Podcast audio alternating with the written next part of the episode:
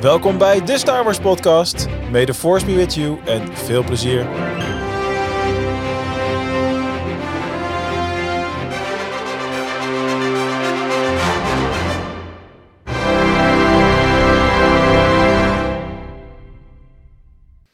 Hallo en welkom allemaal. Het is weer tijd voor jouw favoriete show van de week. Buiten de Star Wars shows zelf om natuurlijk. Namelijk de nagesprek, de Star Wars podcast.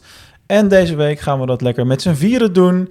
eh, met het team bestaande uit Ramon, Bas en Rob. Welkom allemaal mannen. Goedemorgen, Dankjewel, avond, Mark. nacht. Het is altijd mooi als iedereen dan tegelijk reageert. we hebben hier geen afspraken over gemaakt en dat mogen duidelijk zijn. Ehm, ja, we gaan vandaag natuurlijk lekker veel bespreken over Endor aflevering eh 6 eh, met de titel The Eye. Sowieso kwam ik er deze week achter dat de afleveringen überhaupt toch titels hebben. Dat was in de eerste paar weken volgens mij niet helemaal duidelijk. Althans, niet bij mij. Uh, maar we beginnen natuurlijk lekker met onze Star Wars momentjes van de week. En uh, ja, na een week als vorige week kan ik nu alleen maar beginnen bij Rob. Dankjewel, Mark. Wat kan ik zeggen? Mijn moment van de week is dat ik blijkbaar goed klink momenteel. Dat Bas en Ramon zijn zo lief geweest om een avondje met mij te sleutelen aan mijn geluid. Dus we hebben na een avondje, ik denk dat we een uurtje bezig zijn geweest. Nee joh, je, twee avonden, je moet wel groot maken zoiets. Hè? Je oh, ja. heel veel moeite gedaan. Ah joh, dat is zo Rotterdams. um, we zijn een uurtje bezig geweest. En uh, toen vonden we een aantal opties die we aan konden zetten. En nu schijn ik als een nachtegaaltje te klinken. Ja, dit is echt een, uh, een flinke stap voorwaarts in de geschiedenis van de podcast. Uh, in ieder geval in alle uitzendingen dat jij aanwezig bent. Dat ons geluid nu nog beter is. Dus uh, ja, lekker. Daar worden we blij van. Het enige probleem is dat ik nu waarschijnlijk ook iets zinnigs moet gaan zeggen. ja, omdat mensen je verstaan. Ja, dat is stap 2. Oké, okay, um, nou ja. Voor dit is in ieder geval, ja, dit is mijn, absoluut mijn Star Wars moment van de week. Dus nogmaals, ja, dank jullie wel, Bas en Ramon. Top ja. Nee, natuurlijk. Kleine en aanvulling. Ja, Mark. Ja. Ook nog natuurlijk. Ja, nee, kleine aanvulling is niet alleen dat het geluid zichzelf, maar een tip voor iedereen die ooit eens erover denkt om een podcast te beginnen. Het helpt enorm als je jezelf kan horen. En Rob kon zichzelf tot voorheen ook niet horen. En dat is nu ah. als het goed is wel zo. Dus dat helpt gewoon enorm door te weten van hè, op wat voor toon je praat, het volume van je eigen stem, ja. de manier hoe je klinkt bij anderen. Dus uh, dat is een goede tip om uh, mee te nemen voor iedereen die dat uh, overweegt om ook daarmee iets te doen. Dat is een hele goede, ja, hele goede. En ik wilde Mark nog bedanken apart, omdat hij door al het gezeik zijn we eindelijk wat eraan gaan doen. ja, ik heb het lang volgehouden, ja. ja lang volgehouden. nou ja, geen probleem, jongen. Maar we hopen ik, dat het zo blijft. Ik, ik zeik graag. Alright, nou, dat was alvast de mini-cursus podcast maken. Laten we lekker doorrollen naar alles wat Star Wars gerelateerd is met uh, het moment van de week van Bas. Um, ineens was het moment daar. Ik zat op de bank en Kimberly zit naast me en die begint eens te schreeuwen.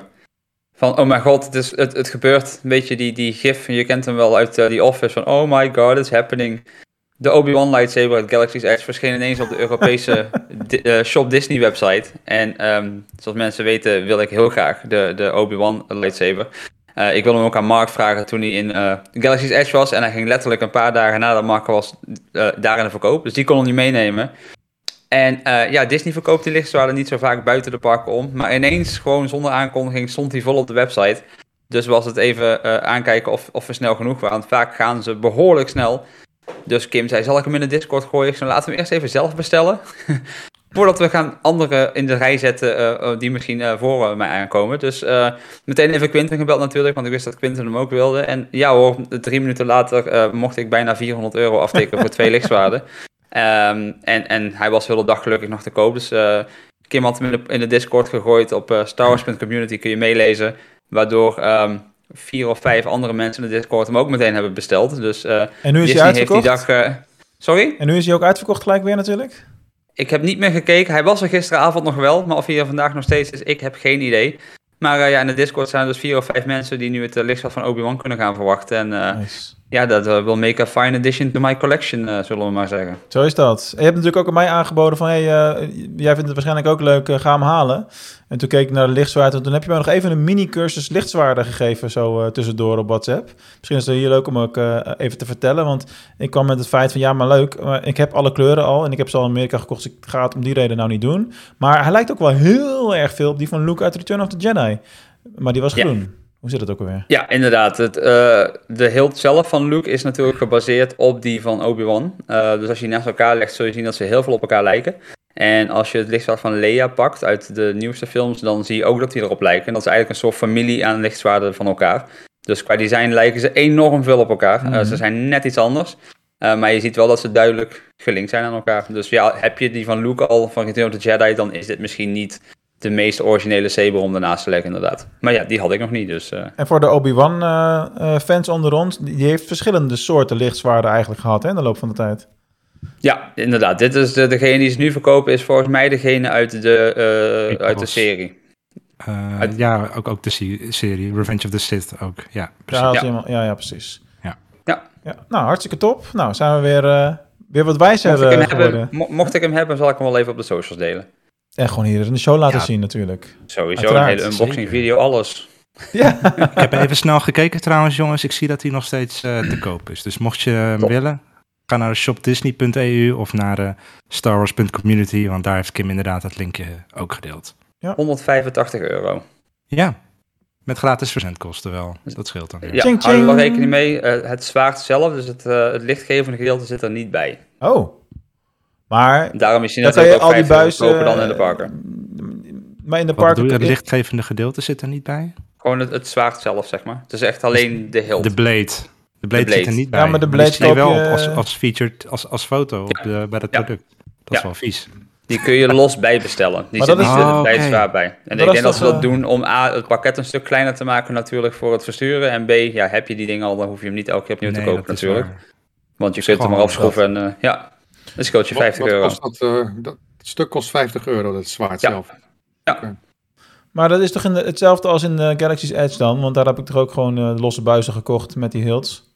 Precies dat. Je koopt de hilts gewoon los en, en het, eh, de blade koop je los. Dus die koop je één Ja. keer en die kun je op al je blades zelf op al je hilts eh, passen inderdaad. Ja, goed, de praktijk afhankelijk van hoe je ze displayt... is dat je ook niet zoveel van die losse plastic eh, blades nodig hebt. En, kijk, ik zou in theorie nu nog net al mijn lichtwaarden... tegelijkertijd kunnen activeren en, en ophangen of whatever. Maar in de praktijk staan ze ergens in een kast... en doe ik af en toe... doe ik een showtje inderdaad voor wie het wil zien. Het, het toffe van deze versie is ook dat er een, eh, een display eh, dingetje bij zit waar je mooi op kan leggen. Dus mocht je hem inderdaad, eh, zoals Oh ik ja. en zoals jij, gewoon echt op display wil hebben, er zit nu een dingetje bij waar je mooi op kan leggen, dat hij iets hoger ligt ook, voor hem mooi in je kast te leggen. Dat is wel beter, ja. ja want Ja. Dat, dat is bij de, al die andere zwaren nog niet het geval natuurlijk. Nee. Goed, ehm, dan gaan we door naar mijn momenten van de week. Want ik heb er maar liefst drie, je bedenkt het niet. Eh, van de week kwam eh, Liam eh, naar mij toe en die had op, op school, ik kwam hem ophalen en die had iets gemaakt. En dat zal ik op YouTube even laten zien en omschrijven. Ik zal eerst even het geluidseffect bijzetten, want het is Commander Rex. Is that so? Ja, dat vond ik wel. Ik zag het meteen.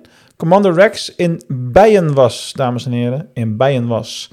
Dus dit is gewoon blauw en wit. En het eerste wat hij zei, Star Wars. Ja, ik zie het. Commander Rex, Stormtrooper, tof man. Ja, het lijkt een klein lullig dingetje, maar hè? Rob, jij weet dat ook. Als je kind zoiets doet, dat is natuurlijk geweldig. Dus die staat vanaf nu gewoon lekker op mijn bureau hier. Eh, tweede moment was eh, mijn andere kind. Die kwam, eh, Jason, die kwam vanuit de kermis. En die had iets meegenomen van de kermis, want ik was niet mee. Oh, wat schattig. Grogu. Maar, als je hem omdraait, dan heb je Yoda. Wat is het gekke aan dit ding? Yoda, Yo- Yoda en Grogu. Dus we hebben hem Roda. Groda genoemd. Zo is dat. Eh, Is het helemaal officieel gelicentieerd? Nee, dit is een zwaar onofficieel product. Maar ja, je- op de kermis in Finland kan je hem blijkbaar winnen. Dus eh, anyway, aan de kant ermee. Ja, maar wat vinden wij, even algemene discussie, wat vinden wij van zulke soort producten? Die niet, niet gelicenseerde producten eh, zoals dit. Ik bedoel, kijk, je hebt zoiets als replica dingen, de, daar kan je van alles van eh, vinden. Er zitten verschillende niveaus in, maar dit is gewoon wel echt een één op één rip-off. eh, wat je natuurlijk in allerlei licenties en allerlei dingen hebt. eh, Er zijn mensen die het verzamelen. Ik heb zelf een keer een hele set, Ah, iets van 30 poppetjes gekocht, action figures. En er zaten er drie of vier bij die nep waren, ook in de verpakking. Klassiek nep, met, in de verkeerde verpakking van het verkeerde figuur. ah. Met het andere figuurtje erin. En er zijn mensen dus die ze verzamelen op Echo Base, die ze, die, die ze echt graag willen kopen, want ze zijn Ja, echt dat vind ik wel wat iets, iets, iets anders. Ik heb het die, ik bedoel, eh, ik had laatst een keer een discussie. Hebt de community over helmen. En toen zei Guido volgens mij van, eh, oh ja, nou ja, ik heb hier wel een linkje voor je naar een of andere Etsy store. Iemand die dan zelf die helmen maakt, weet je wel. Niet gelicenseerd, maar gewoon een eigen gemaakte iets. En eh, dat was inderdaad niet duur, maar het hangt er een beetje vanaf wat je ermee wil. Kijk, als je gewoon ermee wil cosplayen en het moet er goed uitzien, dan is zoiets denk ik op zich wel goed. Maar als je Ja. het wil displayen in de kast met, hè, je wil dat het een eh, limited edition is, er staat misschien certificate of, authenticity bij, dan wil je misschien wel dat het echt een officieel gelicenseerd product is. Dus het is een beetje het eh, doeleinde. En als, nou, dat voorbeeld van Mark dan, als je, als je kind er gewoon mee speelt, dan eh, denk ik ja, dat het op zich niet zo heel veel uitmaakt of het officieel is of niet. Want dat kind boeit het ook niet Nee joh, waarschijnlijk. natuurlijk niet. Nee, Je ziet gewoon, oh, dat is Star Wars, dus ik moet het hebben. daarom. Ik, ik denk dat ik niks mag zeggen, aangezien eh, Kim natuurlijk gewoon eh Bibbity Bobbity Hoekt eh, als bedrijfje heeft, waarin ze alleen Ja. maar niet gelicenseerde Disney en Star Wars eh, merchandise maakt. Dus eh, ik Ja, ben maar ja, voor. jij gaf dat van de week ook al aan met eh, Ina van de kantina die haar eigen ding mag promoten, eh, zelfs binnen de Star Wars parken. Dus daar zit een heel... eh, Maar dat is veel wat anders, gebied. denk ik, dan echt dingen maken die, die nep zijn, zeg maar. Dit is, ik vind een t-shirt maken met een logo erop, met een tekening van Star Wars, weer iets anders dan een plusje figuur wat er- ergens op lijkt. ja, Of ja, ja. Er nou eigenlijk net niet op lijkt. Of wat in ieder geval een combinatie maakt van dingen die je niet zo moet willen combineren. Ja, Ja. Oké, nou, genoeg daarover. Daar, gaan we, daar kunnen we zo een hele aflevering aan wijden. Maar er komen vast nog weken dat er geen eh, eh, tv-serie of Bad Batch of Andor of wat dan ook eh, eh, is. En die weken moeten we ook vullen. Dus laten we maar vooral op de ideeënlijst zetten. Merchandise, leuk onderwerp.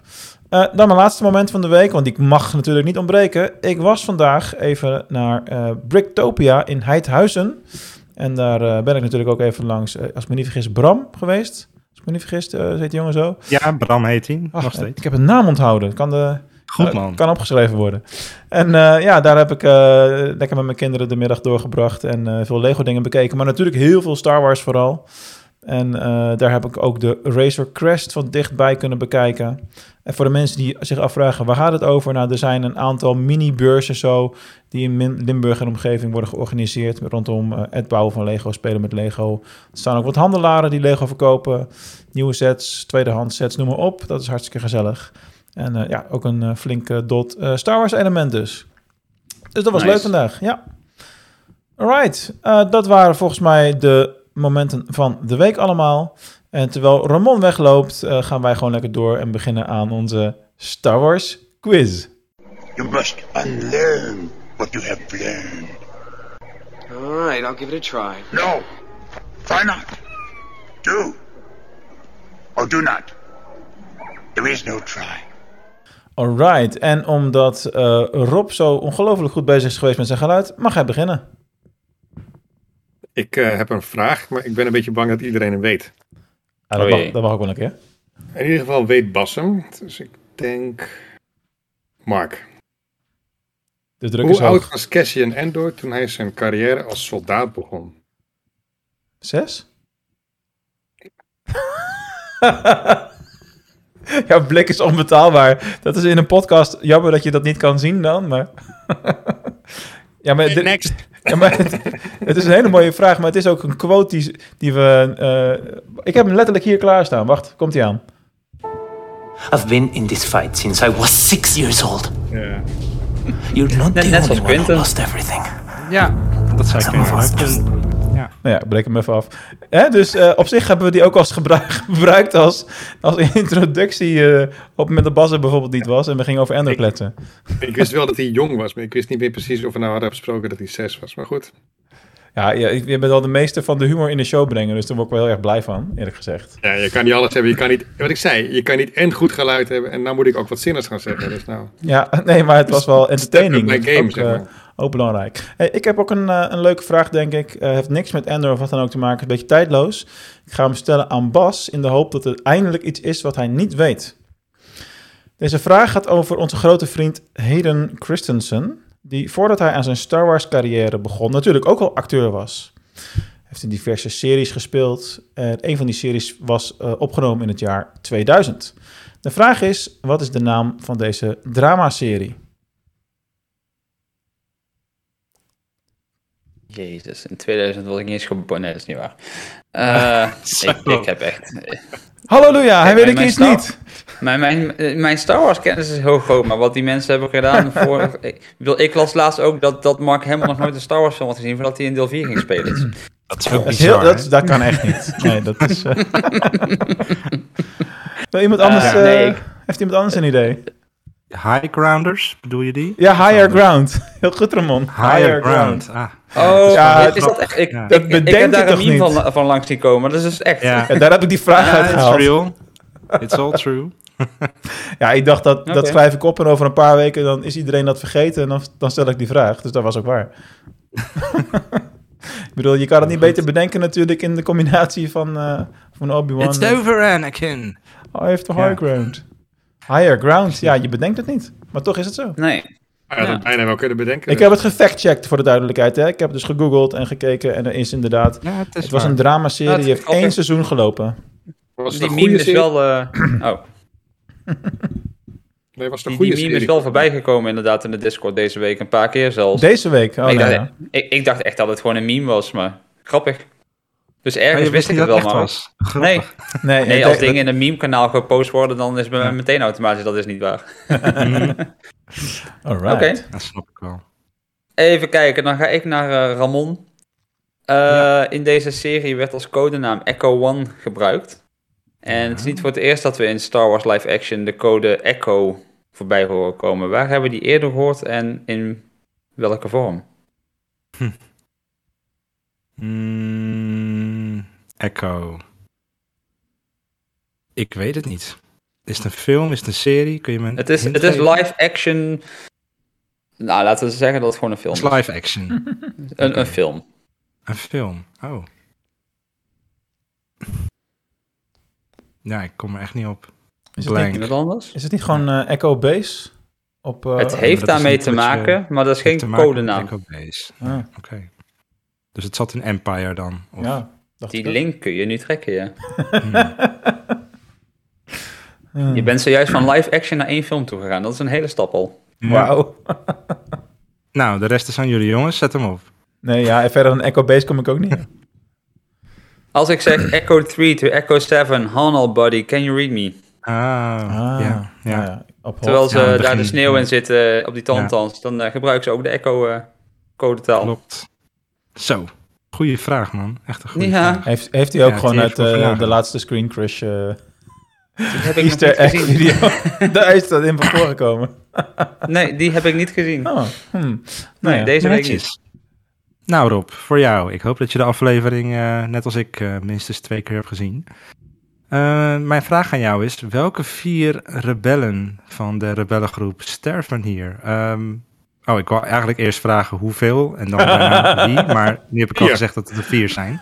Heel goed, ja, dat is al één eh, vraag goed. Welke vier namen zijn dat? Kun je er een paar opnoemen?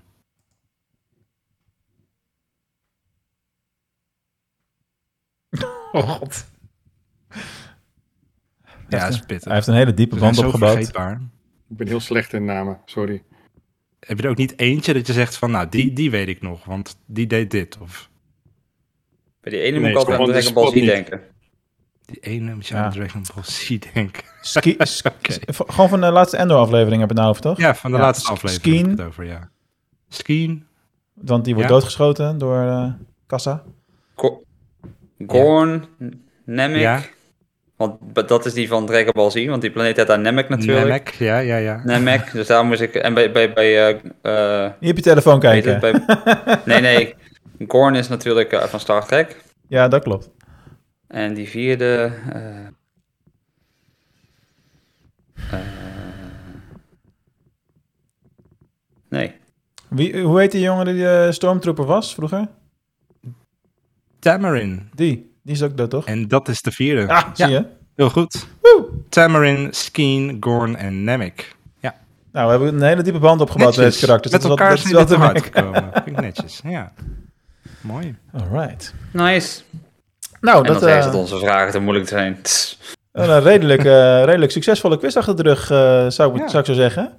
En dan eh, kunnen we daarmee lekker achter ons, eh, ons laten. En dan gaan we lekker door naar ons Star Wars nieuwsoverzicht. I have good news for you, my lord. Yes, Anakin, come closer. I have good news. That's good news. Ja, en eh, we openen het nieuwsbulletin van deze week met de mededeling dat ILM een studio gaat openen in Mumbai. En dat is mijn vraag daarbij, waarom is dat relevant en wat betekent dat dan? Want ik heb het bericht zelf niet gezien. Dat is precies wat ik... eh, nou, eigenlijk heel veel meer info dan dat ILM een studio ging openen in Mumbai was er niet. Ah. Maar Nou, ik heb net toevallig- nieuws- Ik heb net toevallig een statement gezien van het hoofd van ILM uit mm, Singapore, volgens mij. En de reden dat ze dit gaan doen is omdat eh, er komt natuurlijk gewoon steeds meer werk voor ILM. Eh, vooral omdat ze natuurlijk eh, vooral met heel die Star Wars series bezig zijn. Maar sowieso, tv wordt steeds groter. Terwijl natuurlijk in de bioscopen het, het ook gewoon doorgaat. Dus ze hebben gewoon meer mankracht nodig. Mhm. We hebben natuurlijk recent al die backlash gehad van de mensen die aan Marvel films werken. Van er zit te veel druk, we moeten te snel werken en dat soort dingen. Ja, en als je meer mensen aan het werk kunt zetten om die films te realiseren, ja, dan zal het wel beter worden uiteindelijk voor de mensen. Dus minder werkdruk. Dus daarom hebben ze gewoon besloten om een nieuwe studio te openen. Nou, ze zitten natuurlijk over heel de wereld verspreid. En de reden dat ze die kant nu opgingen is omdat daar echt een opkomende filmindustrie zit. Ehm, en, en daar zitten ze dan gewoon al. Daar, is- gewoon heel veel talent te vinden al eh, eh, die, die ze meteen aan kunnen nemen. En eh, vandaar dat die plan een beetje waren om die kant op te gaan. Ja, dat vroeg ik mij dus af waarom ze ervoor gekozen hadden om die kant op te gaan. Ja, ja dat dus. Daar is gewoon talent en eh, ja, dat, dat, dat zal wel aantrekken. Bedoel, Als ILM zegt, hey, wil je voor ons werken? Want jij vindt het leuk om special effects te maken. denk ik dat heel veel mensen nee zeggen. Gunstige wisselkoers, denk ik ook. Ja. Ik bedoel, ja, het is wat, werk is daar wat goedkoper in India, denk ik, dan voor eh, in de States. Ja, op, Ja, op hoeveel Ja. locaties zitten ze inmiddels? Dat was een vraag vijf weken geleden. Londen, Singapore, eh, San Francisco en nog eentje toch? Australië Ja, en goed, Spanje die, of zo die, nog die, iets? die spreiding is natuurlijk ook niet zo heel erg vreemd dan. Op een gegeven moment. Nee. Nee. Alright, eh, bij het volgende nieuwtje denk ik dat het leuk is om eh, eh, Ramon even het podium te geven om het toe te lichten. Want we gaan iets doen op een beurs binnenkort. Ja, zeker. Nee, we hebben natuurlijk al een paar weken eh, Heroes Dutch Comic Con genoemd. En eh, dat doen we niet voor niks, want eh, Star Wars Awakens en de Star Wars podcast gaan daar samen eh, op de zaterdag, dat is 19 november, gaan wij een, eh, een panel houden. Een. Star Wars discussie. Wij gaan wat leuke prijzen weggeven. Daar kan ik nu nog niet heel veel over zeggen, maar we zijn ermee bezig om een aantal leuke prijzen klaar te stomen voor jullie.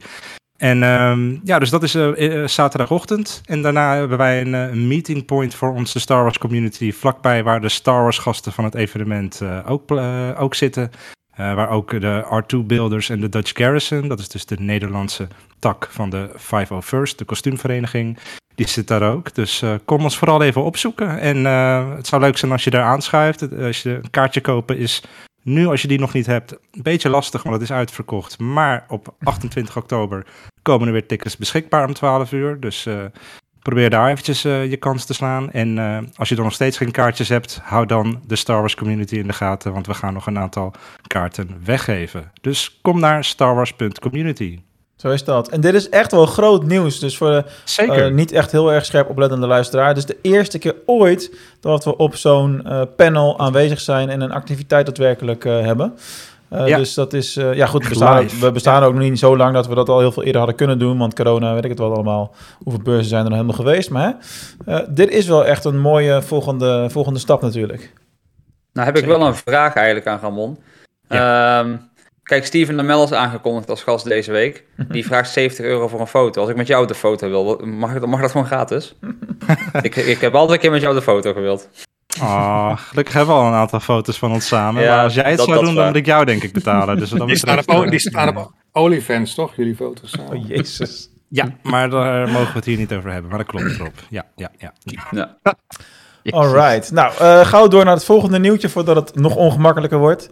Eh, we hebben een nieuw Guinness World Record te pakken. eh, voor, eh, in dit geval is dat Frédéric Olivier. Want dat is Franstalig waarschijnlijk in, Canada. Die is de persoon die nu de meeste Lego Star Wars sets in bezit heeft. Namelijk 858.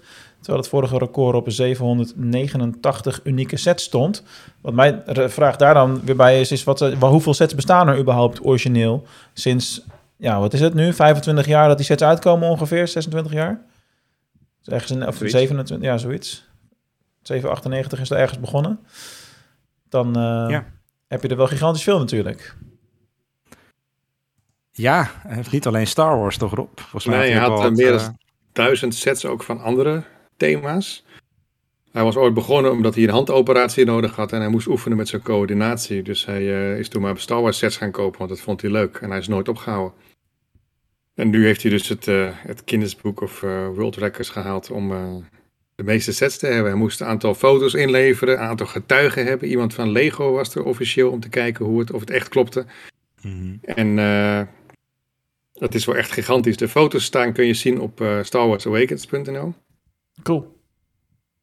En het is echt immens hoeveel hij er heeft. En, volgens mij, ik weet niet of hij bezoekers toelaat, maar hij is er heel trots op. En het is wel echt een, eh, een dingetje. Ja, meer dan eh, drie ton aan eh, Ja. Amerikaanse dollars in uh, Zo. waarde, zeg maar. Ja. Actuele dagwaarde Hoeveel dan. zou, hij, hoeveel zou hij aan inboedelverzekering betalen? Nou, Nu, vanaf nu wat meer. Want nu weten Ja. ze het. Dat Maar kan het is niet bizar, anders. want hij had echt een hele kamer vol met sets gebouwd. En had hij nog een hele kamer vol met dozen die gewoon nog niet gebouwd waren. Ook. Dat is wel echt... Ik heb wel eens mensen gezien met veel sets. En ik heb er zelf ook wel een aantal, maar dit is wel echt extreem. Maar tellen die mee dan? Die dozen die je niet eh gebouwd Ja, ja, het ging echt om sets die hij had. Niet wat hij gemaakt had, maar echt om sets die hij had. Oké. Hij had ook nog een heleboel sets die gewoon eh, niet origineel waren. Maar dit ging, het record ging echt om originele sets. Die uitgebracht waren. Dus wat, wat, bedoel je, wat wordt dan bedoeld met niet-originele sets? Met dingen die Ja, mensen, mensen, zelf die bedacht zelf hebben? sets hebben gemaakt. Zelf dingen bedacht Ja, hebben en tekeningen gemaakt hebben. Ja. Maar überhaupt was ik verbaasd dat er dus niemand alle sets heeft blijkbaar.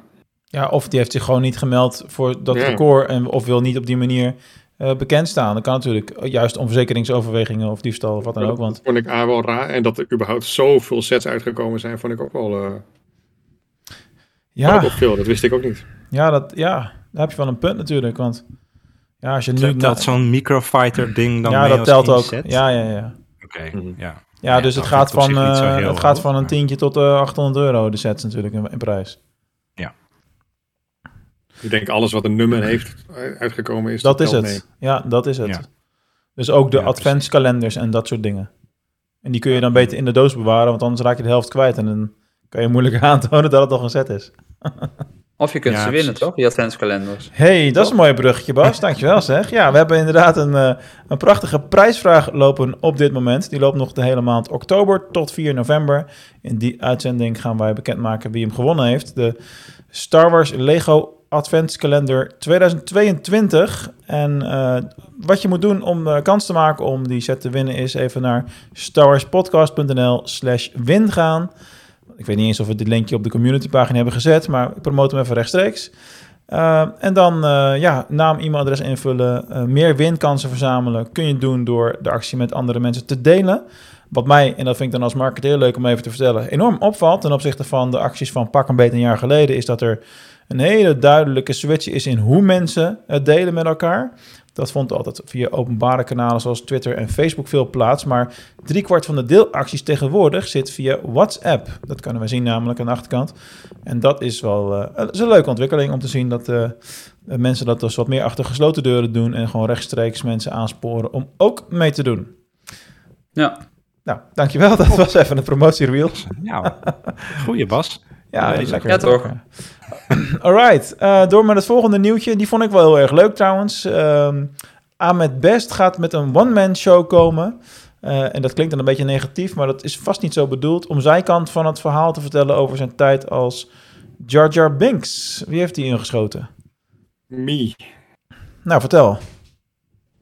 Nee, ook dit is weer het enige wat er tot nu toe bekend is. Oh, dus dat ene nieuwtje waarbij jij zei wat nog moet komen. Hier weet ik wat meer over te vertellen. Dat, dat, is de, ja, dat was die Lego. Oh, uh, was die Lego. nou, Ahmed Best die heeft alleen deze fo foto gedeeld dat hij bezig was met een screenplay. ah. Een screenplay, een, uh, ja, een script over zijn one-man show. En daar werd dus over gespeculeerd. Uh, het heette iets van My Story of zo. Dus daar gingen ze vanuit ja. dat het, het zijn kant ging vertellen van het verhaal. Mm -hmm. Omdat hij natuurlijk uh, behoorlijk wat backlash gehad heeft over zijn rol als Jar Jar. Zijn rol. Hij was natuurlijk, ja, hij stond als stand-in voor de capture.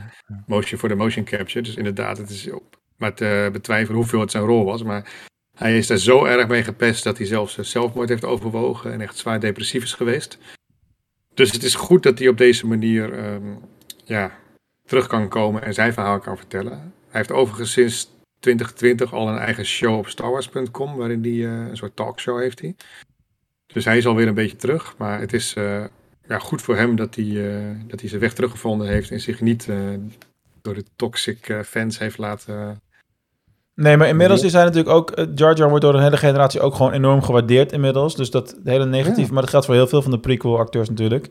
Die hebben die hele nare smaak inmiddels weg kunnen spoelen... en eh, krijgen nu allemaal liefde, in feite. En Jar Jar heeft ook, en dat is ik denk twee jaar geleden of zo... natuurlijk een eh, hele leuke spelshow voor, met kinderen georganiseerd... die op YouTube te bekijken is. Ik ben heel even de naam daarvan kwijt... maar dan gaan ze echt door een Star Wars landschap... een soort van... de Ja. floor is lava-achtige show... maar dan met Star Wars spelletjes, zeg maar. Jedi Temple Master of zoiets heet dat. Zoiets, ja. In die geest. Ja, precies. Die hebben, echt volgens een mij, die hebben we ook eh, ooit, versus Star Wars. hebben we ooit besproken, ook zelfs in de, in de podcast, redelijk aan het begin nog.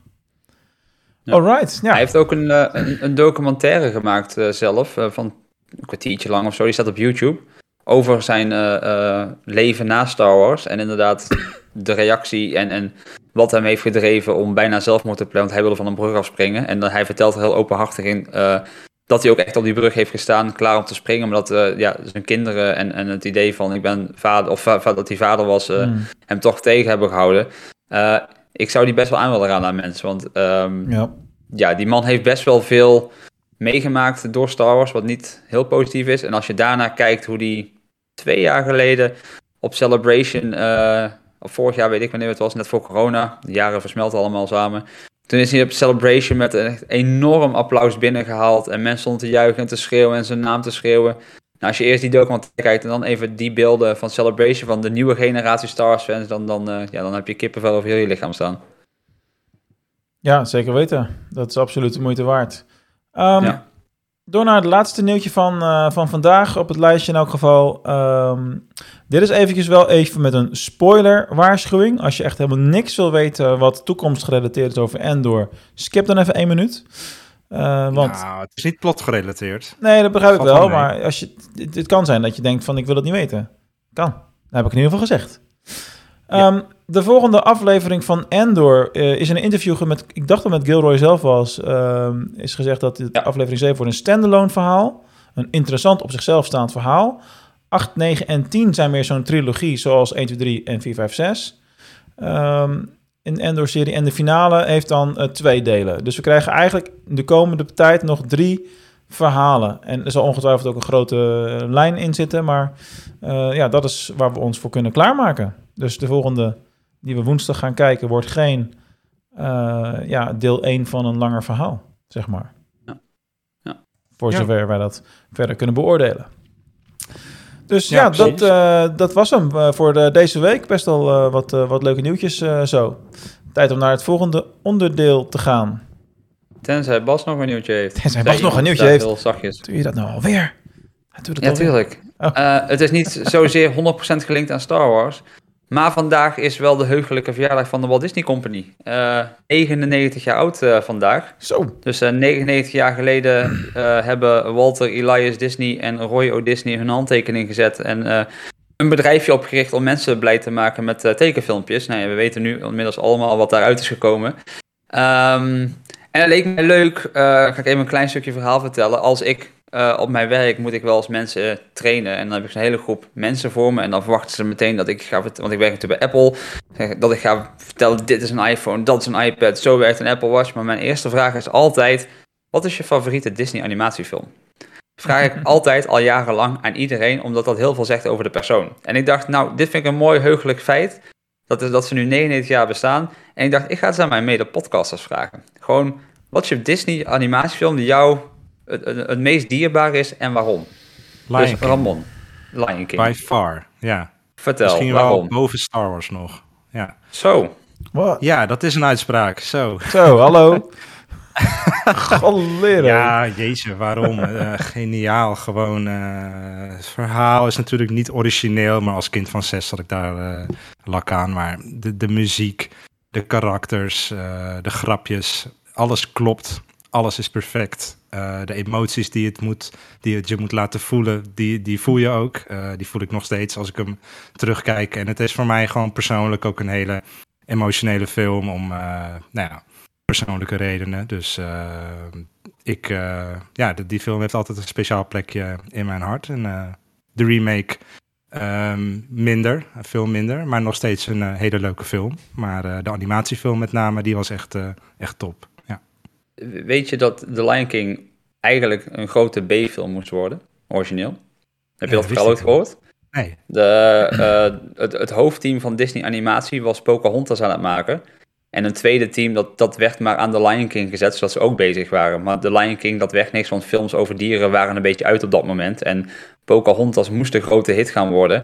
Ehm, dus The Lion King, werd, die kregen een, een studiootje van ga maar, ga maar leeuwtjes steken, doe, doe je best. Nou, de, de, de, de geschiedenis heeft wel bewezen dat The Lion King iets beter ontvangen is dan Pocahontas uiteindelijk. Dus eh, altijd, altijd een mooi verhaal gevonden. wauw, ja, dat wist ik niet. Mark, Wat zegt het nou over mij als mens? dat, dat, dat, dat, dat, dat je, dat je, ehm, ja, dat je iemand uit, eh, weet ik veel. Psycholoog, big boy. Ja. Oh ja, goede analyse. Eh, laat ik even beginnen, want... ik, eh, ik, denk, ik denk dat het over jou zegt dat jij je achterste graag in het verleden laat. Je verleden achter je laat. Interessant, interessant. Tok van Rafiki, dankjewel. Ja, dat, dat, dat- het verleden kan hard zijn en het kan pijn doen, maar je kan er ook van leren. Zo is dat, ja. Scherp, scherp. Eh, laat ik even beginnen met te zeggen dat ik wel grappig vind dat je zo'n vaste vraag hebt. Want ik heb ongeveer zes jaar lang eh, een, een andere zakelijke podcast eh, gehad en opgenomen. Waarbij ik bij gasten ook altijd een vaste vraag stelde als laatste vraag. En daar heb ik op een gegeven moment zelfs een compilatieshow van gemaakt. En dat heette toen de Duizend Pingpongballen Show. Want de vraag was, wat zou je doen met duizend pingpongballen? En die komt oorspronkelijk dan weer uit een eh, eh, logica van... als je dat aan een sollicitant vraagt, zegt dat ook dus het een en ander over die persoon. Dus een commercieel persoon zou zeggen, ik zet ze op marktplaats. En iemand die heel erg van samen is, die zou ze uitdelen aan de tafeltennisvereniging bijvoorbeeld. Dat soort antwoorden krijg je dan. Goed, terug naar jouw vraag, Bas. Eh, ja, dit wordt misschien een beetje saai, maar voor mij is het ook The Lion King. En dat is altijd al zo, altijd al zo geweest en daar is gewoon nooit meer iets overheen gekomen. Ik zou kunnen zeggen En dat... waarom? eh, ja, jeetje, weet ik ook niet. Ik, eh, ik heb hem ook als kind in de bioscoop gezien. En dat was volgens mij een beetje de tijd ook dat Euro Disney open ging. En dat je ook een Lion King dingen daar volgens mij. En we gingen dan naar Amerika. En in Animals Kingdom had je ook echt zo'n Lion King show en dat soort dingen. Toen al. Dus ik heb er gewoon in het gezinsleven toen meegekregen, denk ik. En eh, ja, en die stem van Mufasa natuurlijk. Nee, nee ik denk waarschijnlijk heb wij gewoon Nederland gekeken, geen idee. Maar eh, Ja. ik weet niet, als ik, al- al- dat is gewoon de eerste eh, film waar ik aan denk als je die vraag stelt. En, en, en ook, ik zou veel te lang moeten nadenken over wat het anders zou kunnen zijn. Dus dan is dat niet iets wat impact heeft gemaakt. Plus dat ik ben ook geen onwijs grote animatiekijker gebleven daarna. Ik kijk nog wel heel veel animatiefilms met mijn kinderen of zo, maar ja, dan, en, en Star Wars dan natuurlijk, maar dat is het dan ook wel eens een beetje. Ja, nice. En voor Rob? Ja, wat kan ik zeggen? Natuurlijk de Lion King. Omdat ik, eh, Meen je dit serieus? Je hebt Ja, zoveel serieus. tijd gehad om na te denken, dan noem je gewoon precies wel- hetzelfde? voordat jij ging Kan antwoorden. wel, ja, maar... ik, Hmm. ik was 12 in 94, eh 11, 12. Dus dat was toen echt eh, met natuurlijk dat, dat fantastische nummer van Elton John erbij. Oh ja, Mhm. Dus dat was iets wat toen heel veel indruk maakte. En ik Ja. weet nog dat ik er kleurplaten van had en alles. Het was echt een, eh, het was toen echt een hele grote film natuurlijk. maar die soundtrack heb ik ook grijs gedraaid inderdaad. Ja, fantastisch. Dus het is wel echt Maar- een eng. Maar het was een film die op alle fronten natuurlijk goed was. En eh, de laatste jaren met Frederik heb ik hem regelmatig gekeken. En eh, hij zet hem altijd stop op het moment dat die vader doodgaat. En dan Ja. begint hij weer opnieuw, want hij zegt dan leeft hij weer. Oh. Dat is altijd heel zielig. Maar nu komt er Ja. toch ook een prequel? Klopt. Ja. Dus dat is dan wel weer mooi voor hem. Die live action, heb wel ik dat de vader niet doodgaat? Nee, die live action heb ik nooit gezien, want dat lijkt me niks. Nee, is ook niet... eh, Nooit ik, gezien. Wauw. ben er wel, ik heb hem wel gezien, maar ik, ik word daar niet blij van. Live, het is geen eens live action. Het is gewoon realistische animatie. Noem het gewoon Ja. wat het is. Ja, dat is het, ja. Precies niks met live action te maken. echt is. Ja, de eerste opening shot, toch? Mhm. Ja.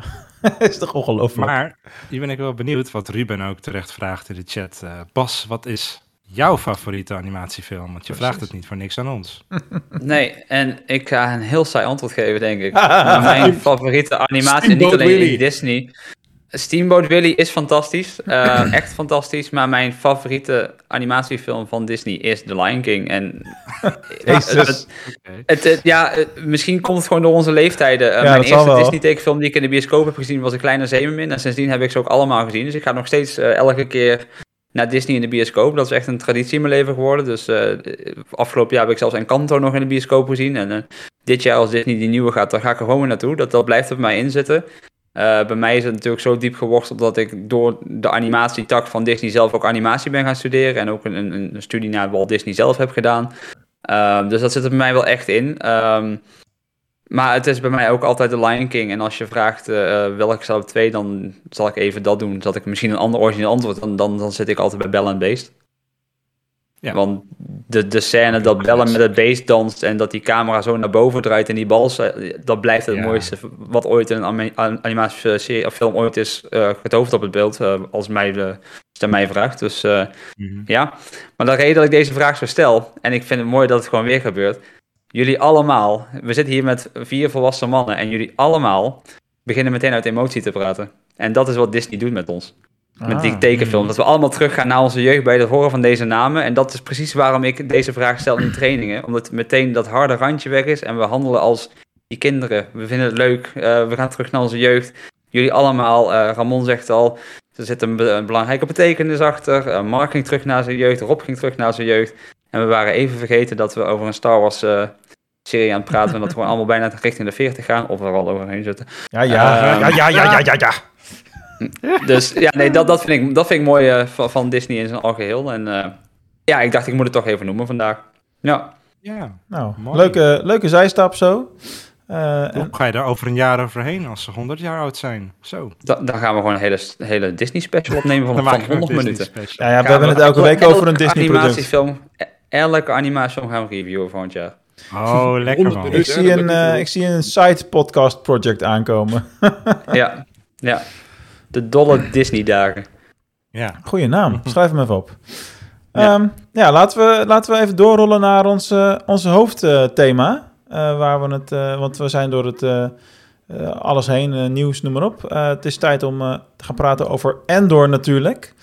Aflevering nummer 6, The Eye, eh, met het natuurverschijnsel daar. Eh, ja, na de eh, vorige twee afleveringen is dit natuurlijk een, aflevering waarin heel veel meer gebeurt. Laten we even beginnen met wat, eh, wat eerste indrukken en, eh, en gevoelens. Wie wil? Ik vond het mooi dat en Lord of the Rings en Endor in dezelfde week een aflevering uitbrengen die de Eye heet. Ja. Dus toen ze aan mij vroegen, wat vond je van... Ja, de vorige aflevering van Rings of Power heette de Eye en een paar dagen later komt Endor met die Eye. Dus als ze vroegen, wat vond je van de Eye? Nou, ik heb twee reviews over de Eye geschreven. Ga je gang, moet je even kiezen welke. Dus jij, dus jij vroeg, welke bedoel je? Dat wist ik. Ja, precies. Oh, wat goed. Welke van de twee vond je de beste? Eh, Lord of the Rings. Ja, ja. Heel eerlijk. Maar ik vond, ik vond Endor ook echt fantastisch hoor. Ik, ik vond dit echt een... ehm, je merkte aan deze aflevering heel goed dat hier het team achter zat, wat ook achter eh, de Bourne films zat. Ehm, Ja, dit was echt zo'n aflevering vanaf... van, eh, ja. Die Ja, dat was heel erg eh, GoldenEye van, van James Bond Mhm. natuurlijk. Maar wat mij heel erg opviel in deze aflevering is dat je echt op het moment dat het begon op het puntje van je bank zat en dat eigenlijk heel de aflevering vast wist te houden. En daarbij vooral het gebruik van de muziek en zelfs in het begin van de aflevering het gebrek aan muziek. Gewoon, er zitten hele lange scènes in waar geen, geen seconde muziek achter zit. En dat werkte zo ongelooflijk sterk, waardoor het gewoon helemaal onder je huid ging zitten en je gewoon echt gewoon het idee dat je mee ging springen van, van die brug af, zeg maar. Ja, dat was gewoon... Hele voor- slechte voor metafoor dit. Was het echt...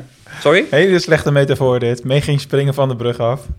Ja, toch? we hadden het net over begin- Ames Best, die letterlijk daar stond. En dan eh, gebruik je die term.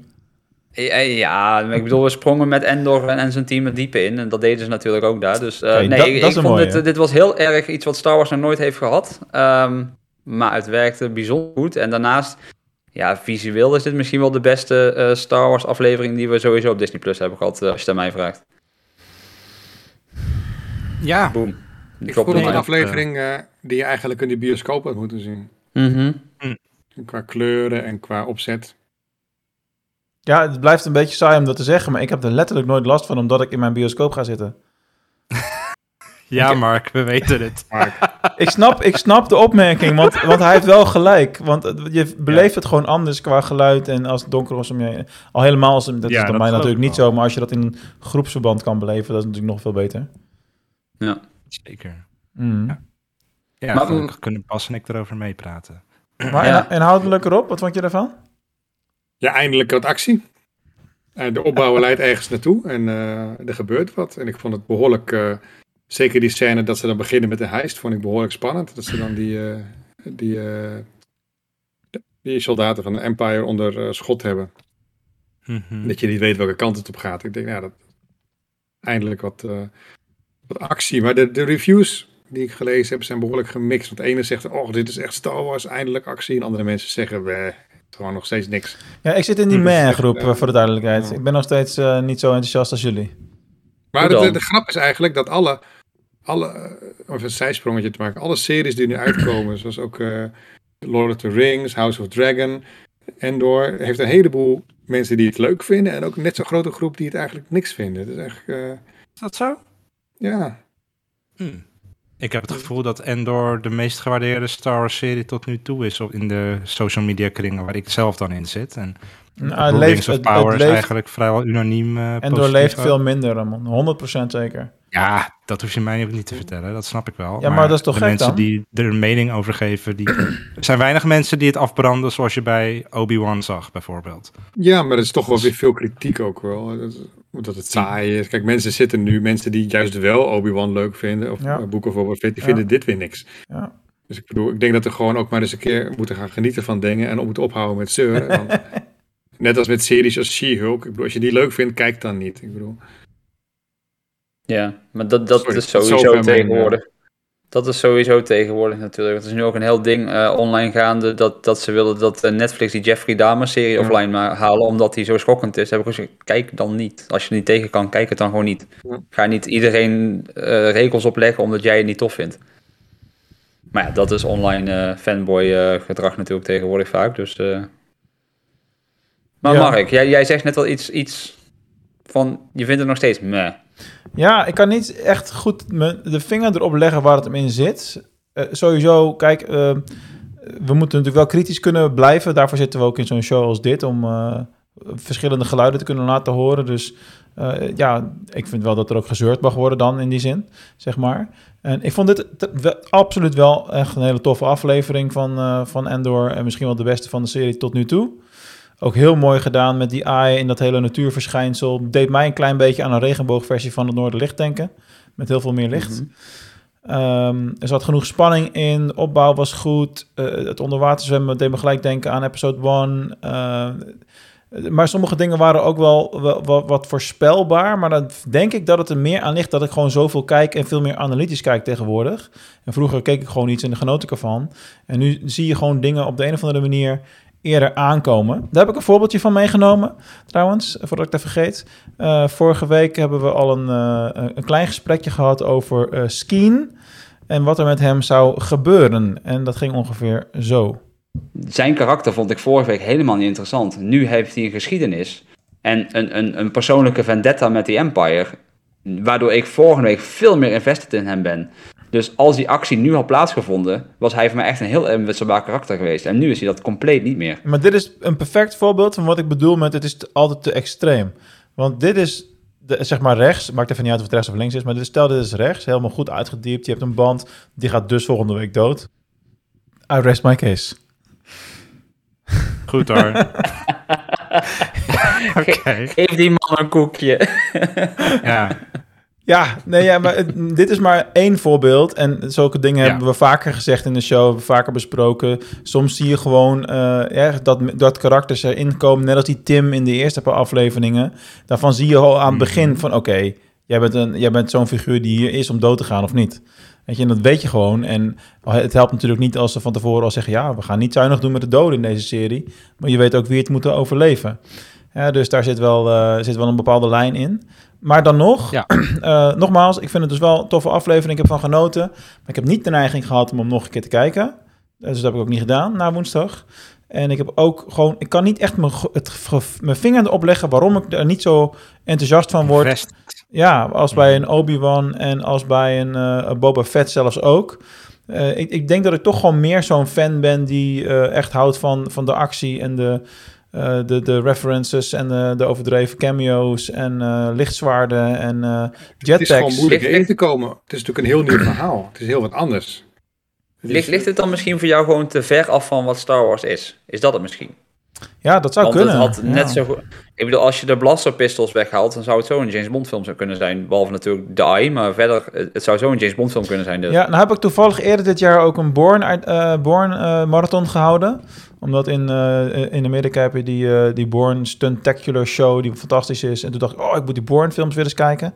Toen had ik ze allemaal gezien, dacht ik van ja, maar eigenlijk zijn ze niet zo onwijs goed. En, en ja, en dit is natuurlijk door de makers van de Born-serie. Dus dat dat een beetje in dezelfde lijn dan gaat komen op een gegeven moment... is ook weer niet zo heel erg gek. Dus misschien zit het hem in de manier van verhalen en vertellen. Ik denk dat het hem voor mij ook heel erg in zit... dat dit een soort verhaal is wat ik gewoon in één keer achter elkaar wil kijken. Eh, en waarbij hè, we vorige week over hebben... niet elke keer zo'n stukje en dan weer stoppen. Dat vind ik dan niet, eh, daarvoor vind ik het dan niet interessant genoeg... om er dan heel lang over te kunnen praten... zoals in de setting van zo'n podcast als, als dit. Hoewel, we krijgen het nu toch voor elkaar. Eh, dus, dus ja, in die hoek zit ik een beetje te, te zoeken en te kijken. En het, laat, het tweede, wat ook wel een dingetje is, in deze aflevering zat er ook wel het een en ander natuurlijk aan ruimtegevecht eh, bij. Heel tof hoe ze instappen in details en het zag er allemaal super gelikt en goed uit. Maar ik ben niet zo heel erg van de space battles in zijn algemeenheid. Dus, dus ik ben meer van de lichtzwaarden en de jetpacks en de blasters. En, en knokken. Star. Ja, dat is al. Voor ieder wat wils. Voor ieder wat wils. Oorlog tussen de sterren. Ja, nee, maar goed, ik ben een beetje aan het zoeken naar waar het hem in zit, dat het me gewoon wat minder raakt of zo. En ik ben daarin absoluut niet alleen. Ja, in deze setting van ons vieren wel, lijkt het. Maar als ik gewoon heel, eh, ik zal geen nummers noemen, maar als ik kijk naar onze luistercijfers, zijn ze echt beduidend lager als tijdens eh, het lopende eh, Obi-Wan eh, weken bijvoorbeeld. Dat is gewoon zo. Het is minder hot. Punt. Ja, daarom mijn vraag. Is, is, is het, staat het te ver van Star Wars af? Ja, ik denk het wel. Het grappige is dat de kritiek altijd was bij, bij Obi-Wan van het speelt te veel in op wat we al weten. En nu ligt het heel ver af waarvan we weten en je ziet wat het doet. Terwijl het wel gewoon een ijzersterke serie is. Ja, ik had bij Obi-Wan dat hele probleem niet zo, heel, eh, denk ik. Ik heb het gewoon als een to- toffe serie ervaren. En ik heb niet zoiets van, oh, het is te Star Wars. Nee, ja, hoezo? Ik vind Star Wars leuk, dus wat is het punt? Ja. Ik, ik heb echt oprecht liever gewoon een Old Republic serie met eh eh, duizend sits erin of wat dan ook, als zoiets als dit. Als het om Ik Star Wars gaat. dat wel hè? heeft. Ja, oké. Dan noem je wel wat. ja. ja, ik leg de lat, ik leg de lat gelijk Ja. hoog. Old Republic, eh woehoe. Nee, ja. Ehm, Oh wel. ja, Wat vond jij ervan, Ramon? Want Volgens mij heb jij je echte mening niet gegeven. Echte mening. Ik- Echte mening. Mijn echte mening. Nou ja, ik vond het ging wel een beetje makkelijk allemaal met die heist. Maar ik- kijk, kijk, dit type serie, heb ik al eens eerder gezegd, ik hou hier wel van. Die aflevering 5 die hiervoor zat, fantastisch. Ik vind het echt heerlijk. Dat is typisch ook wat je in bijvoorbeeld eh, House of the Dragon ook hebt. De serie die jij ook noemde naar Mark toe. Van, nou, bereid je maar voor als je die wil kijken. Want daar wordt een hoop in gepraat, weinig actie. En dan moet je, moet je maar een beetje liggen. Maar de spanning zit hem dan in de dialogen en de muziek. En, en in het, oh van, oh, maar wat gaat er nu gebeuren? En wat gaat hij nu zeggen? Wat gaat hij nu doen? En niet zozeer in van, oh, ik moet om een hoekje kijken. Pieuw, pieuw, pieuw. Oh, we gaan nu eh, een schip in. Weer, pieuw, pieuw, pieuw. Ja, dat is ook tof, zeker. Alleen ehm, voor mij hoeft dat niet per se. Voor mij is dat eerste echt een voorwaarde en dat laatste meer van, oh leuk als het erbij zit, maar het is voor mij niet per se nodig. Ehm, ik vond dit inderdaad wel de, ik denk wel, ja, misschien niet de beste, of de een, misschien de één na beste aflevering van, van het seizoen, maar ja, het is maar net ook wat, wat ik denk als ik jou hoor praten, Mark, over Boba Fett en Obi-Wan. Hoe, hoe is de binding met, van jou met de characters ook? Hè? Kijk, eh, Quentin die is er nu niet bij, maar die heeft ook wel eens gezegd van ja, oké, ik eh, ben heel benieuwd. Endor, hartstikke leuk. Alleen het karakter, ik heb er niet zoveel mee. En ik weet niet hoe dat bij jou is, maar voor mij zitten er ook nog niet echt characters bij die, waar ik echt een persoonlijke band mee heb. Maar wat de serie wel doet en wat ik wel knap vind, is dat de bad guys eh, worden ja, toch op een bepaalde manier neergezet. Dat ze niet per se bad slecht zijn. Dat ze ook goede kanten hebben. En ook de goede, eh, de good guys, zeg maar, die ja, ze niet helemaal ehm, eh, ja, echt goed per se. Die hebben ook hun slechte kanten. Net als, ja, net als in het echte leven is het wat meer grijs. En, en dat stukje, wat, eh, dat waardeer ik wel enorm. Maar dat heb je in andere series tot nu toe eigenlijk weinig gehad in Star Wars. Maar die, ja, dat, dat politieke stukje en het ethische dilemma wat erin zit, dat, eh, ja, dat zat hier wel wat meer in. En dat, eh, dat waardeer ik wel. Ja. Mhm. Wat vind jij erop? Ja, ik, hetzelfde. Dat, dat die opbouw er goed in zit, inderdaad. Dat er gewoon heel veel gesproken wordt. En dat actie ook niet heel erg nodig is. Ik vind die vergelijking die je maakt met eh, House of the Dragon ook wel goed. Dat, het, dat, je, dat, als de actie, dat je nooit weet wanneer de actie losbarst. En er gewoon heel veel dialogen in zitten. Maar het kan ieder moment omslaan in actie. En vaak onverwacht komt. Dat is bij Endor iets minder. Maar het is wel een... eh, ja, je weet waar het naartoe gaat. Je weet dat er een huis komt, maar je weet dan niet wie te vertrouwen is. Het is wel echt zo'n soort ja, mysterie eigenlijk. Weet je wat het misschien ook, eh, wat een onderdeel ook daarvan is? Voor mij is die opbouw gewoon te langzaam. En dat heeft te maken met wat ik van Star Wars verwacht. En het is heel moeilijk verwachtingen loslaten, dat is mijn ding. Ik weet het, ik weet het. Maar weet je, als je dit zet naast, en dat vond ik ook niet goed, het andere uiterste met The Rise of Skywalker, wat gewoon een freaking achtbaanrit is die nooit stopt en te veel loopings heeft, Ja. zeg maar. Het is gewoon, dit is dan weer totaal het andere uiterste. En dat, daar kan ik best wel zin in hebben en zo. En dat kan hartstikke leuk zijn. En ik ga deze serie ongetwijfeld nog vaker kijken in zijn geheel als hij er helemaal is. En eh, eh, echt wel waarderen. Alleen, weet je, als ik zin heb in Star Wars, is dit echt, echt niet het eerste wat ik opzet. En dan ga ik helemaal iets gek zeggen. Ik denk dat ik nog eerder dan de Bad Batch opzet. Voor gewoon wat Star Wars actie en entertainment. Dit is gewoon Ja. meer iets om te kijken als ik gewoon eh, meer diepgang heb, nodig, wil hebben. En eh, wat, ja, dus ik kijk genoeg van dit soort series en drama en zo. Maar dan weet ik van tevoren dat ik dat ga krijgen. En bij Star Wars is het toch dat ik iets meer de andere dingen wil, denk ik. Ik, ik denk dat het juist heel tof is dat ze, dat ze andere dingen aan het proberen zijn. Want eh, het is een beetje. eh, kijk, kijk naar wat Marvel doet. Als je, als je een Marvel-film hebt, dan verwacht je een superheld die stoere actie heeft. eh, alles om hem heen ontploft. De vijand wordt eh, neergeslaan en, en, en aftiteling komt omhoog. En dan staat: hey, hij komt terug. Ehm, en toen kwam ineens die tweede Captain America film. En dat was ineens niet echt meer een standaard superheldenfilm, maar dat was echt een, ja, een, een, spy thriller ineens. En eh, toen kwam WandaVision. En WandaVision was ook niet je standaard superheldenverhaal, maar dat was ineens een, een, soort sitcom. Eh, ehm, nou ja, nu hebben we She-Hulk. Dat is gewoon letterlijk een, een comedy-serie waarbij de, de, de, de fourth wall meer gebroken wordt. eh. Maar eerder toch Dan- al met Carter, Agent Carter op Netflix nog? Ja, ook. Maar het blijft allemaal... Het blijft allemaal Marvel, het blijft allemaal superhelden, maar ze zijn gewoon andere gebieden aan het Genres. Ah. Mhm. Ja, ze zijn andere genres aan het eh, bekijken. En ik denk dat Star Wars ook juist een licentie die heel, heel goed voor leent. Ja, Ehm, nee, ik ben het helemaal met je eens, eh, Bas. Echt, echt 100%. En ik vind het ook supergoed dat ze dit nu doen met Endor. En ik ben daar echt wel blij mee.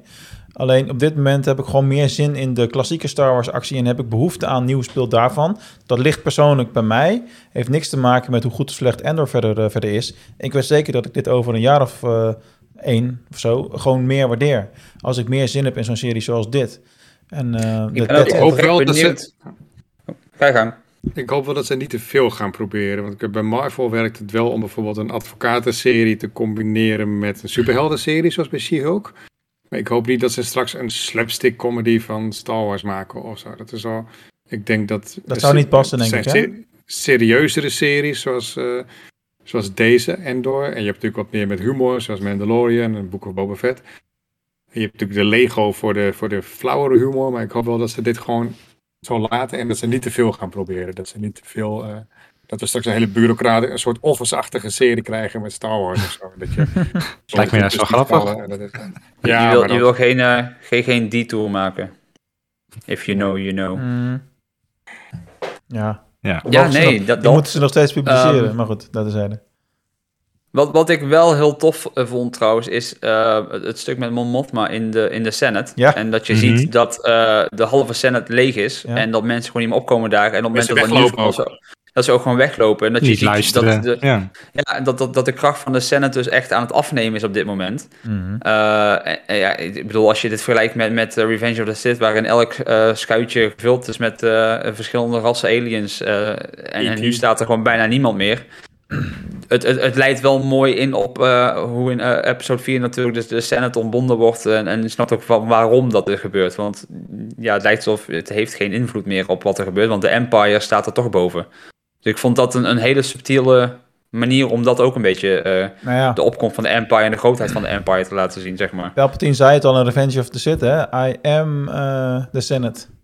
Ja, precies. Dat was vrij letterlijk. Ja, ja, precies.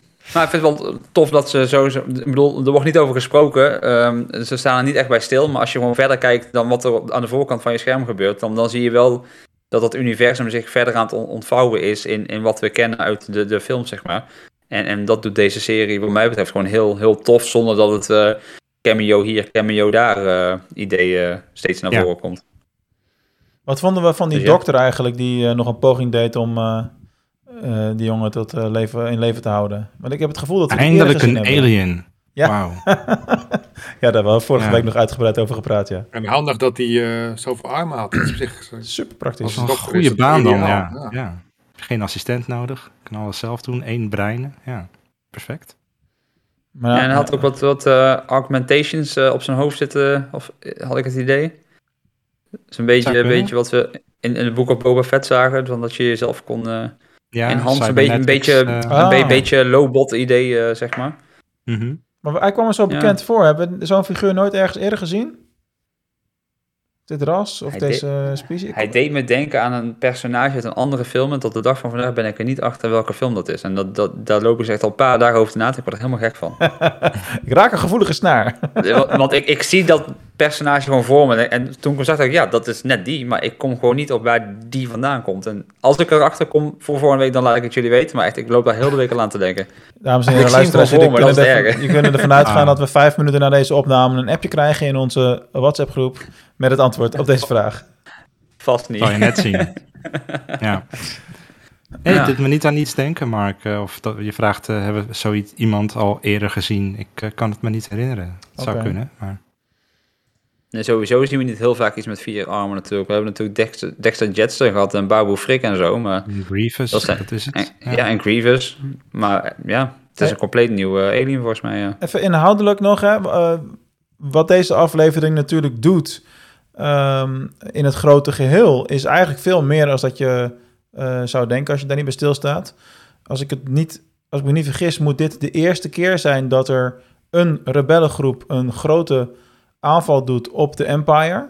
eh, wat dus ook effect heeft en op andere werelden wordt gezien. Want hiervoor was het allemaal kleinschalig. Wat voor impact heeft dit wat ze hier doen? Hoe belangrijk is deze rebellengroep voor de verdere spark of the resistance, zoals Poe Dameron dat altijd zo mooi zegt?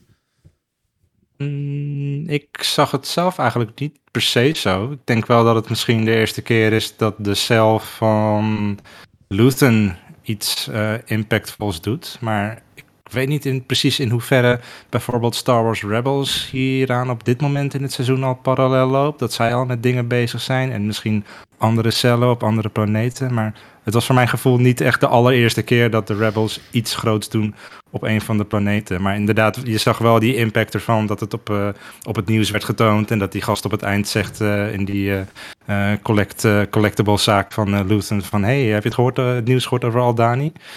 Dat, eh, dat klopt, maar voor mijn gevoel was het niet de eerste keer. Ik weet niet hoe jullie dat zagen.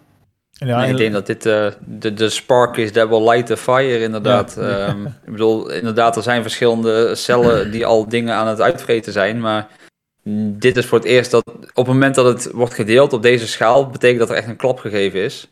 En ik denk dat dat eh, inderdaad een soort hoop gaat geven aan die andere kleine cellen. En die cellen zullen waarschijnlijk allemaal bij elkaar komen. En daar komt de Rebel Alliance natuurlijk uit. Dat, dat er Ja. meer van, hé, hey, er zijn er meer als ons eh, die dit doen. En misschien dat dit de manier is waarop ze elkaar gaan vinden of zo. Ja, je hebt natuurlijk verschillende groepen en de ene is ook wat extremistischer dan de andere. Nou, we zagen uit de trailers al dat Saul Guerrero nog een keer voorbij gaat komen. Dus die heeft natuurlijk je- ook zijn eigen rebellengroep daarin. Zullen we even in de voorspelmodus gaan? Ik ga ervan uit dat volgende week de Saw Gerrera aflevering is. Dat de standalone is en dat hij dus ook maar één aflevering meedoet. Ah, Dat is mijn, eh, Ja, dat is zou super, zou super logisch zijn. ja, of ja, ja. Ik denk niet dat hij eh, zich leent voor een langlopende rol in, de, in een serie. Geloof ik niet. Ja. Bovendien Nee. zou het in lijn zijn met eerdere eh, verschijningen van hem, zoals in de Clone Wars, wat ook vaak eh, kort was. In Bad Batch was ook één aflevering. shot. Elke keer Mhm. one-shots. Ja.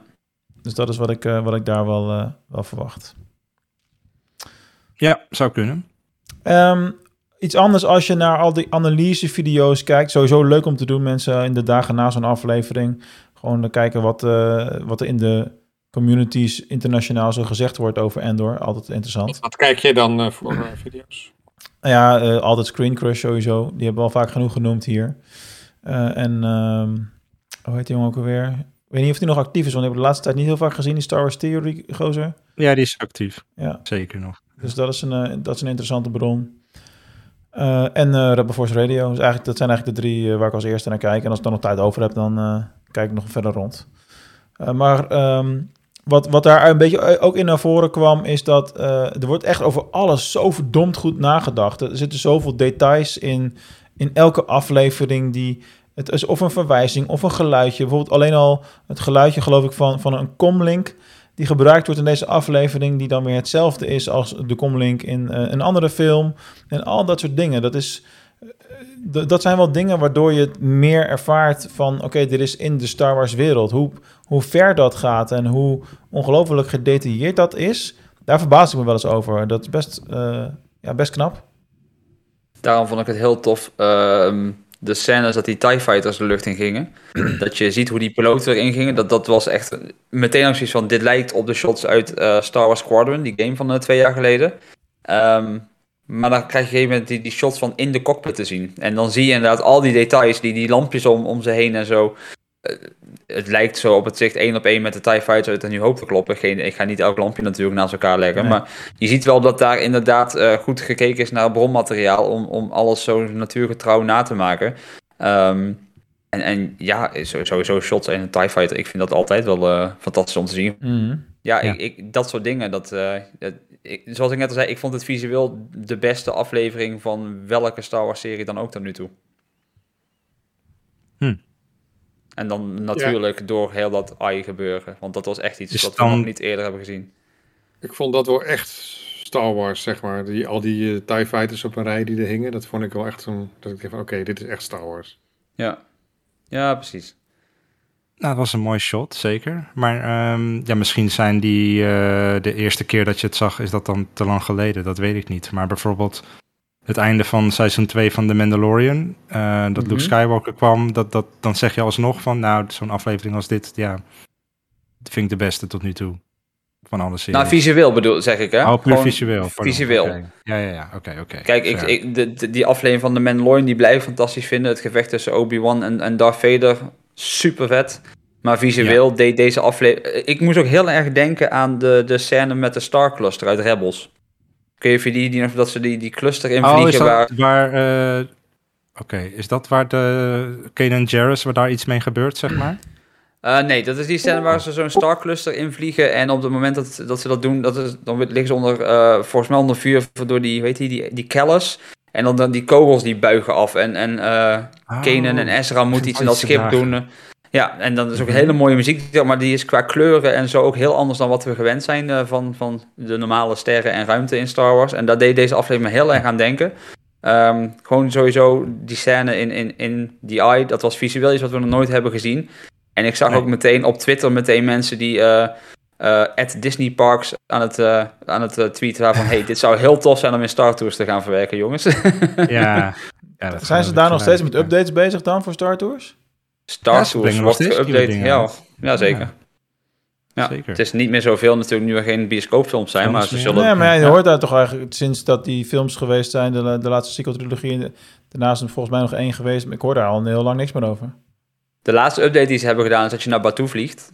Is gewoon naar. Galaxy Edge natuurlijk. Ja. Ja, eh, eh, de Star Tours is opgezet om makkelijk te updaten te zijn. Dus ja, wie weet als ze een idee hebben. Kijk, een Obi-Wan serie leent zich daar niet voor. Want ja, daar, dat gaat om lichtzwaardje en er zit weinig eh, ruimteactie in. Maar dit is gewoon iets compleet nieuws. Het zou er zo in passen. Mhm. Ik, ik denk dat ze wel wat zakjes voor zieke mensen neer moeten leggen. Want het ging er heftig aan toe. Maar, maar toch. Ja, ja, ik ga er niet in, je weet het. Gaat niet gebeuren. Ik vond het wel tof dat ze in deze aflevering ook wat tijd namen om eh, andere culturen te laten zien. Hè? Als je zo'n heel seizoen hebt van twaalf afleveringen die ongeveer 40, 50 minuten duren, heb je ook echt tijd voor dat soort dingen. Dus ze lieten die eh, mensen van Aldani zien en eh, hun culturele eh, rituelen, om het maar zo te noemen. Dus dat dansen, dat feest, het feit dat ze dan met die Imperials onderhandelen en zo'n baal met hooi of wat het dan ook was, aan elkaar overgeven. Terwijl die Imperials echt zoiets hebben van, luister, wij doen dit gewoon zodat jullie kunnen optieven. Wij willen hier gewoon doorgaan met onze, onze missie. Dat, eh, ja, dat, dat zijn dingen waar je normaal gesproken in een Star Wars serie bijna geen tijd voor hebt. Of ja, dat wordt eigenlijk bijna niet vertoond. Maar net als wat ik eerder zei over die Mon Mothma, dat je haar normaal gesproken, tot voorheen althans, vooral in haar functie ziet, als leidinggevende rol. En dat waar in deze serie ook echt, eh, dat er even tijd wordt gemaakt om de andere kant van haar verhaal ook te zien. Hoe dat dan privé en thuis in het gezin en eh, hoe dat eraan toe gaat. Dus die stukjes van, van Star Wars, dat, dat doet deze serie ook voor het eerst. Dat vind ik wel leuk om daar, eh, ja, dat ze daar wat eh, aandacht aan besteden. Aan het Om- echte leven van alledaagse mensen, zeg maar. Ja. Om daarop aan te vullen, vond ik het heel mooi om te zien dat ehm, de mensen van de Empire eigenlijk ook naar die AI wilden gaan kijken. En Ja. dat ze daardoor eigenlijk heel simpel laten zien van, het zijn eigenlijk ook maar gewoon mensen. Ze, ze, ze vermenselijkten die Empire daar heel erg mee. Want het zijn gewoon eigenlijk mensen die daar gewoon ook maar staan omdat ze orders hebben. Maar die Mhm. willen ook gewoon naar buiten om die mooie dingen te zien. En, en dat ze gewoon even het werk neerleggen. Want je ziet gewoon letterlijk dat ze vragen van... hey, kunnen we dat werk niet anders doen, zodat wij ook kunnen gaan kijken? En dacht van, Ja. oh ja, ja, oh shit. De, de Empire zijn ook gewoon mensen natuurlijk. En ze staan Ja. misschien aan de verkeerde kant, maar... Uiteindelijk zijn het gewoon soldaten die, die voor hun eh, ja, ding strijden en ook gewoon orders uitvoeren natuurlijk. Maar dat, dat liet ze hier heel makkelijk en heel doeltreffend gewoon even zien. Dat vond ik heel, heel tof dat ze dat deden. Ja, Ja. zeker. Er was ook een scène van die eh, vrouw en dat zoontje van die commander of zo, die dan eigenlijk willen, ja, ze willen graag van die planeet af. En dan zegt die man van, ja, dan moeten jullie wel echt goed je best doen vanavond. Laat Ja. het kind alsjeblieft zijn imperial uniform aantrekken. Nou, dat, dat is Ja. wel tof. Ja. Ja, Ik vond Ik ben ook- ook- dat moment met, dat, met die riem dat was ook heel erg mooi. Hm. Oh ja, ja, dat hij hem niet omkreeg en dat die vrouw dan zegt, nou, misschien ben je wat breder geworden. ja, mooi. ja wat- hoe zei ze? You expanded a bit. Ja, dat ja. vond ik een hele Ja, mooie zoiets, woordkeuze ja. daarvoor, ja. Ja. ja. ja, Ik ben overigens wel benieuwd, nu, omdat Mark natuurlijk vorige week de aflevering minder vond en zei van ja, ik wil die conclusie erachteraan. En nu is het nog meh. Ik, ik, ik, ik ben heel benieuwd wat Mark er zo van zou vinden als hij ze nu alle drie achter elkaar gaat kijken. Dus eigenlijk als één film gaat behandelen nu. Hoe, hoe het dan ervaart. Ja, dat is best moeilijk om daar iets zinnigs over te zeggen, omdat je nu al precies het hele verhaal al weet en zo natuurlijk. En je weet wat, hoe en wat. Ja, je moet het niet nu doen, hè. Nee, nu ga je dan ja. gewoon naar bed en zo, maar niet, niet meteen morgen, maar gewoon over een tijdje. Ik ben echt benieuwd hoe je het dan gaat ervaren. Ja, ja. Ja, waarschijnlijk eh, als een van de Bourne-films. Ja. Kunnen we beter niet over nadenken nu. Laten we positief afsluiten. Hey, eh, voor- Ik vind dat ja. fantastische films.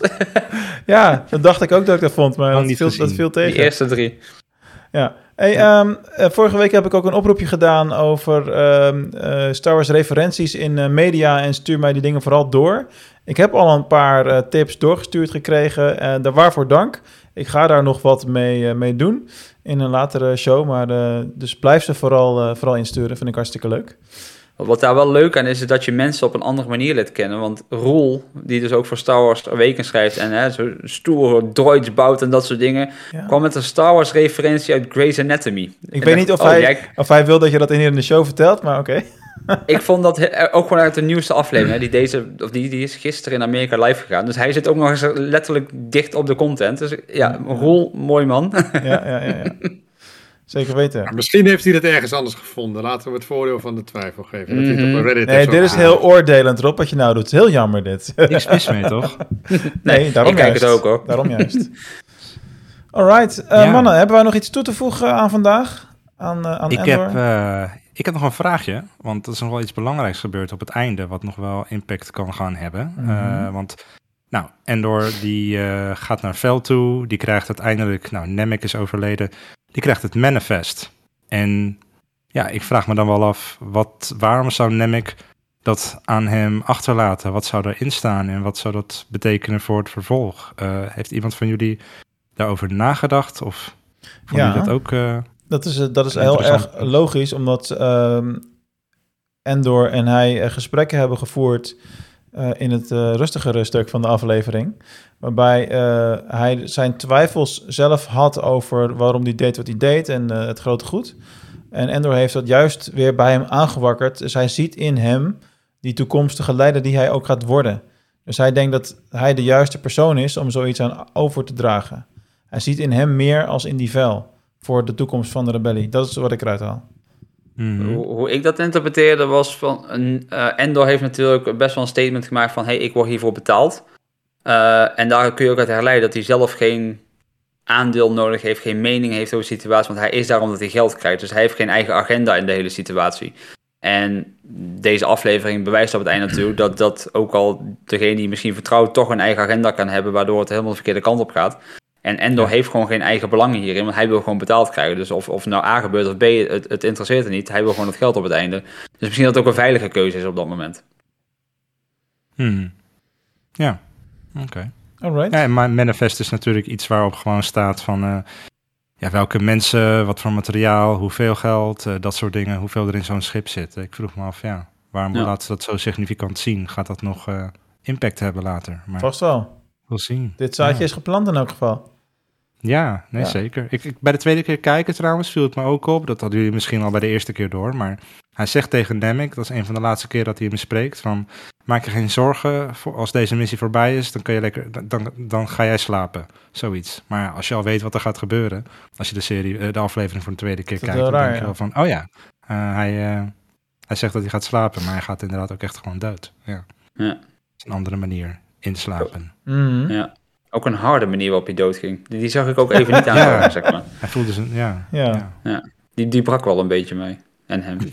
ja. Maar was Ja. dat niet ook die eh, parallel met dat eh, naar hem werd geschreeuwd dat hij eh, moest klimmen, dat climb verhaal? En dat dat ook Ja, ja, ja. gebeurde met, eh, in, in de film? Met Wat- K2. ja, dat hij dat ook Ja. zegt. Ja, klopt. mooie dingen. Zeker weten. Nou, mooie dingen. En eh, met deze mooie dingen sluiten wij de avond af. Althans, wij nemen s'avonds op. Misschien luister je wel elke keer 's morgens natuurlijk. Wie, wie weet het. Eh, ik wil iedereen weer bedanken voor het kijken op YouTube live. Eh, als je dat wilt doen, eh, bezoek ons dan ook eventjes op YouTube. Zoek gewoon op Star Wars Podcast. En ook weer bedankt voor het luisteren. Volgende week zijn we er natuurlijk weer. En dan gaan we de zeer waarschijnlijk stand-alone aflevering 7 behandelen. Ik noteer, dit wordt de aflevering van Saw Gerrera. We gaan het zien. In elk geval, tot volgende week allemaal. En bedankt. Doei doei. Doeg.